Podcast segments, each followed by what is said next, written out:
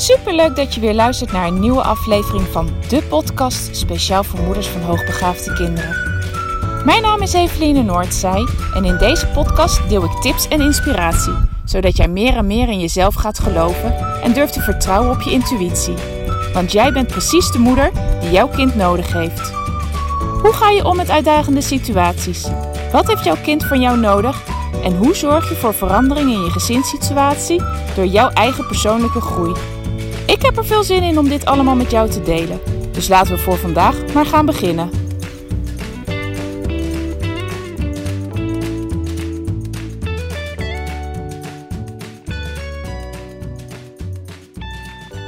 Welkom bij podcast 70. Voordat deze start nog een intro. Dit is het tweede deel van de podcast. Podcast 69 is het eerste deel. Mocht je die nog niet beluisterd hebben, dan is het echt aan te raden om die eerst te luisteren, zodat je beter begrijpt waar deze podcast verder gaat. Mocht je hem wel beluisterd hebben, dan begrijp je ook waarom deze uh, aflevering opeens zo start zonder verder een introductie van mij over het onderwerp. Um, het gaat dus over het opvoeden en op welke vlakken je kan bekijken waar het niet lekker stroomt, waar niet lekker gaat. En daarin, op datzelfde vlak zit ook heel vaak de oplossing. Dat heel even kort nog. Nogmaals, heb je podcast 69 niet beluisterd, is het zeker aan te raden om dat eerst te doen voordat je deze verder gaat beluisteren. Fijne dag nog! Dus dat was de eerste pijler. De tweede pijler is autonomie. Die autonomie is voor hoogbegaafde kinderen heel belangrijk. Zij willen heel graag heel veel alleen doen, zelf ontdekken. Dat iemand zich er niet mee bemoeit. En ja, misschien herken je dat bij jezelf ook wel. Ik herken het in ieder geval bij mezelf wel. Ik heb dat ook echt in hele sterke mate. Ehm, ik wil gewoon dat niemand zich ermee bemoeit als ik iets aan het doen ben. En ik zoek het liever zelf uit. En als ik hulp nodig heb, dan vraag ik er wel om. En uh, ik uh, hou niet van ongewenste hulp of uh, iemand die zich er maar mee gaat bemoeien. En een kind, hè, wanneer je kind onvoldoende autonomie krijgt, dus waarin het onvoldoende ruimte krijgt om het op zijn manier te doen of op haar manier te doen, onvoldoende ruimte krijgt om um, ja, ja, dingen uit te zoeken, uit te vinden, fouten te maken, te struikelen en weer op te staan. Als ze dat niet voldoende krijgen, zal je dat gaan ervaren omdat ze gaan tegensputteren. Ze gaan schoppen.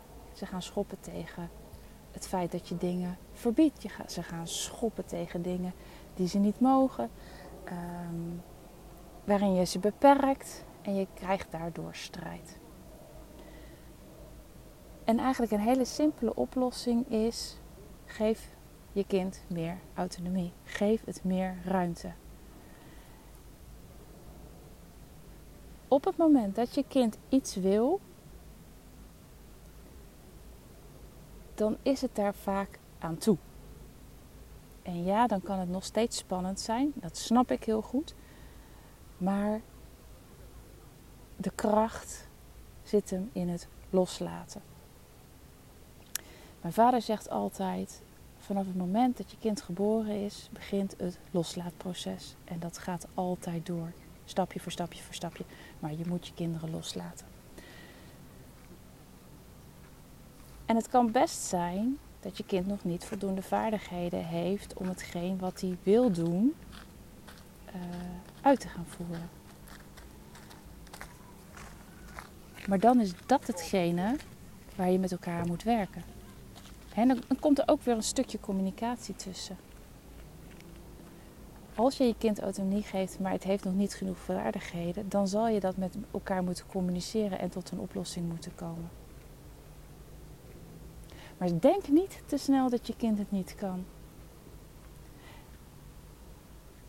En ga zeker geen dingen overnemen of blijven verbieden omdat je bang bent dat het kind zal vallen en struikelen. Want juist die ervaringen zijn zo ontzettend belangrijk. Belangrijk voor het opbouwen van zelfvertrouwen. is het maken van fouten. En ervaren dat het niet, niks ergs is, dat je het weer kan oplossen, dat je ervan leert. Dus autonomie is pijler nummer twee. Dan hebben we structuur. Dat is pijler nummer drie. Structuur, dat kan twee kanten op gaan. Of je biedt het kind te veel structuur, te veel. Ehm, dat het te weinig ruimte heeft. Dus dat je te strak alles maar vasthoudt in structuren, houdt, je houdt aan structuren. Of het kan zijn dat het te weinig structuren heeft. En structuur is niet alleen ehm, je dagritme, kan ook een weekritme zijn. Ehm, maar onder structuur valt voor mij ook uh, consequent zijn. Dus het is eigenlijk een uitgebreider pakket.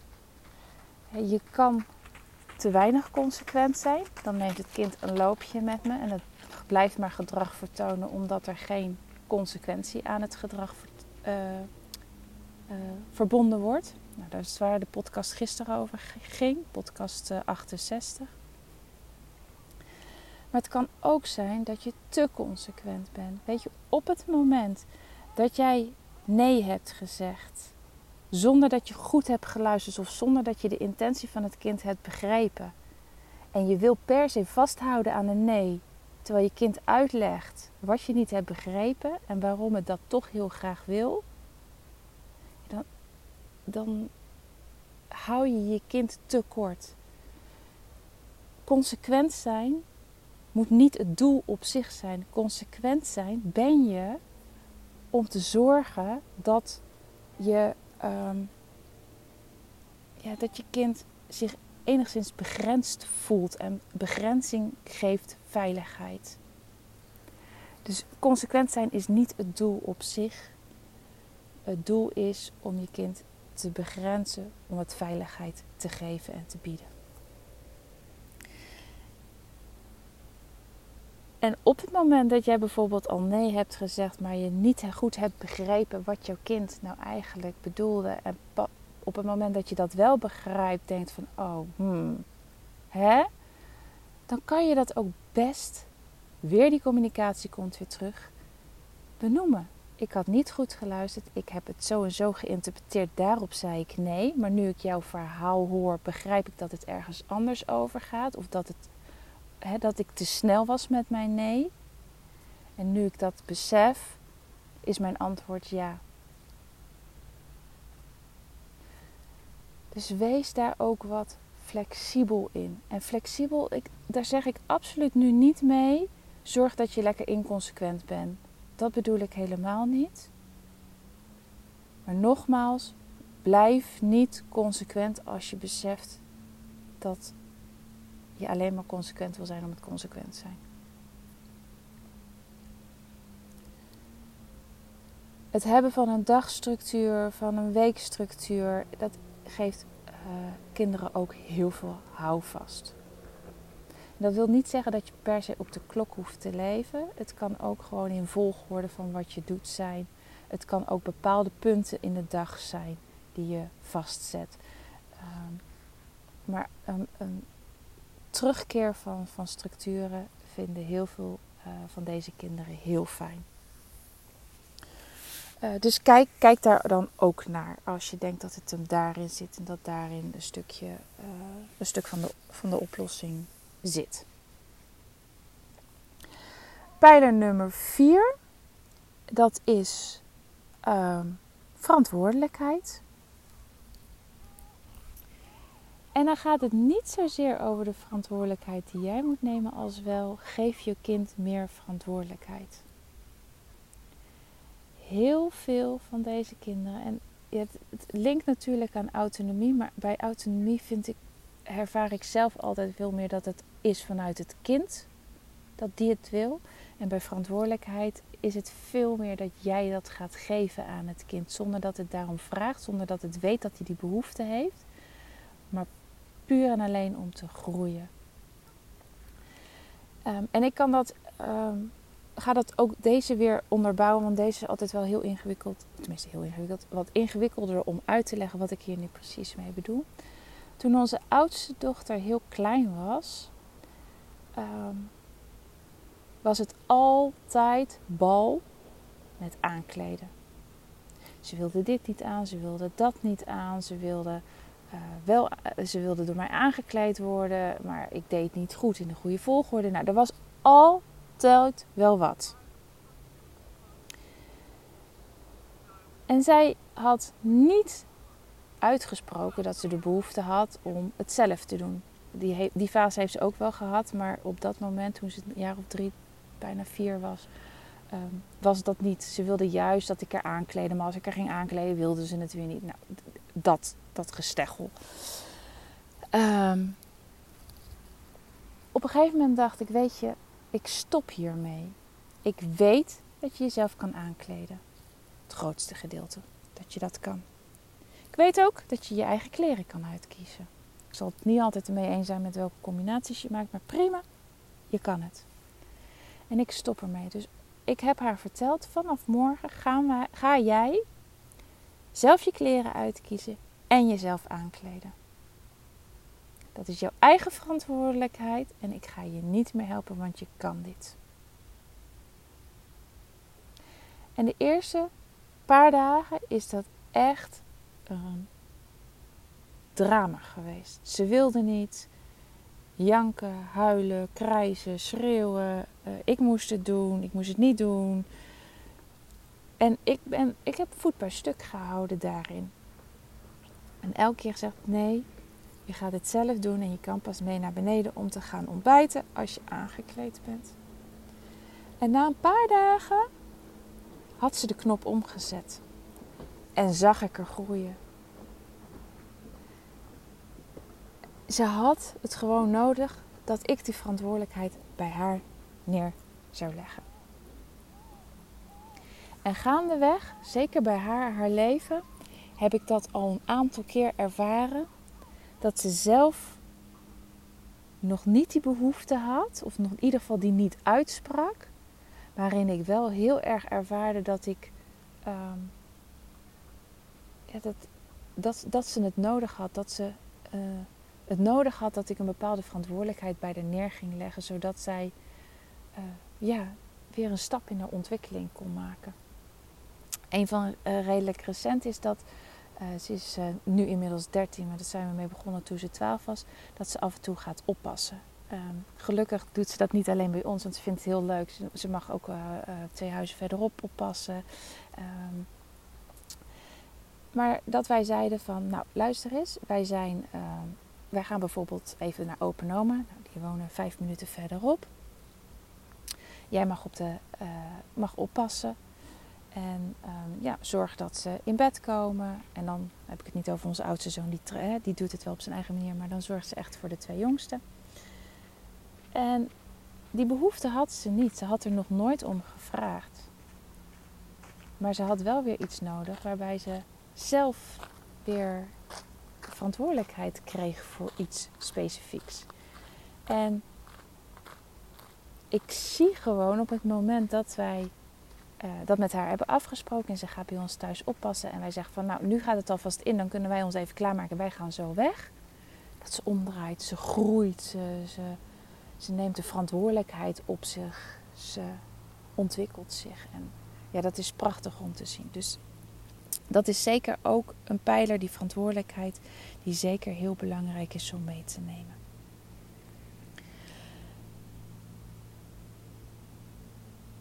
Even kijken.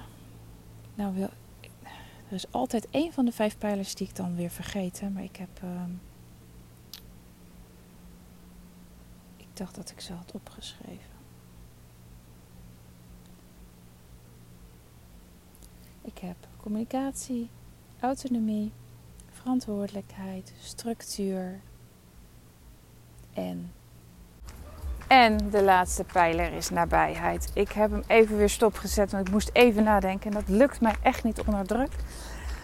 Maar hij vloepte weer op. De vijfde pijler is nabijheid. En wat bedoel ik nu met nabijheid? Nabijheid is de, uh, hoe veel jouw kind jou nodig heeft in zijn of haar directe nabijheid.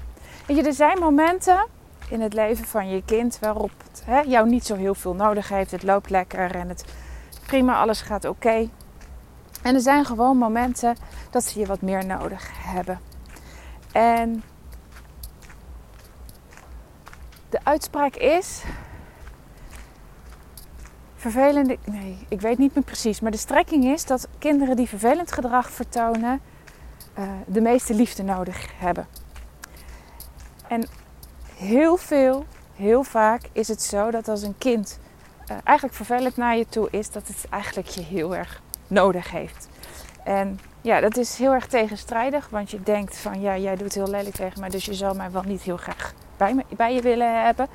Um, maar juist, dat zijn de momenten dat ze je opzoeken.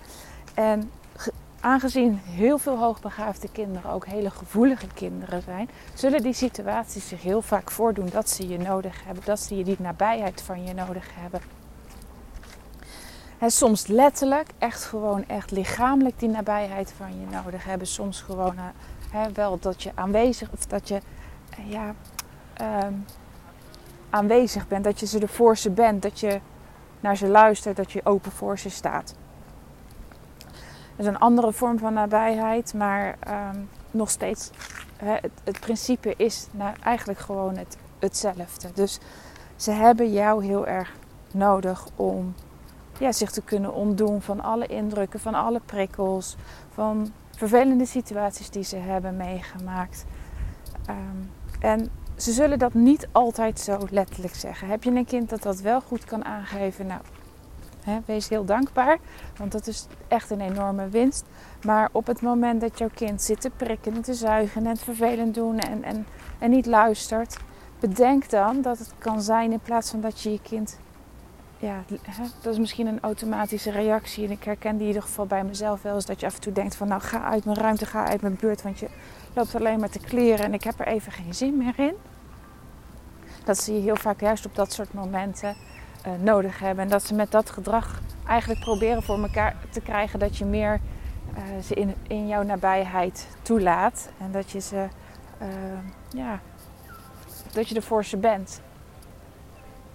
Dus onthoud dat. Vervelende kinderen hebben de meeste liefde nodig. Uh, dat, daar kan heel vaak wel de oplossing in zitten op het moment dat jij eh, ervaart dat het niet zo lekker, even niet zo lekker gaat. Dat je ja, het idee hebt dat je kind jou uitprobeert of vervelend is om het vervelend zijn. nou, dat laatste geldt natuurlijk nooit. Ze zijn niet vervelend om het vervelend zijn. Er zit altijd een laag onder. Maar um, Soms kan je dat idee wel eens hebben. Dus die vijfde pijler is nabijheid. Nou, dit is een uh, hele lange podcast. Ik ga er dan ook zo echt een eind uh, aan breien. Want uh, het is de bedoeling eigenlijk dat je de podcast even tussen neus en lippen door kan beluisteren. Uh, maar deze vijf pijlers, daar, um, ja, die gebruik ik zelf in ieder geval heel vaak om te ontdekken van waar zit het Waar zit uh, het probleem, waar zit de uitdaging met mijn kind in en uh, hoe is die ontstaan? Wat heeft het kind nodig en wat kan ik bieden? Nou, dat was het voor vandaag. Als je het aan mijn ademhaling hoort, ik ben inmiddels op, weer op weg terug. En ik moet nogal een stel heuveltje op. En dan ben ik weer bij de camping. Dus tot morgen. Leuk dat je weer luistert. Ik wil in ieder geval nog eventjes benadrukken als je deze hele podcast hebt afgeluisterd. Hoe fijn ik het vind dat je elke keer weer de moeite neemt. Of misschien is dit je eerste keer dat je deze eerste keer de moeite hebt genomen om deze podcast te beluisteren. Dank je, dank je, dank je wel. En uh, nou, morgen is het vrijdag. Deze komt op donderdag online. De volgende is vrijdag. Dan spreek ik je vrijdag weer. Groetjes, doei doei.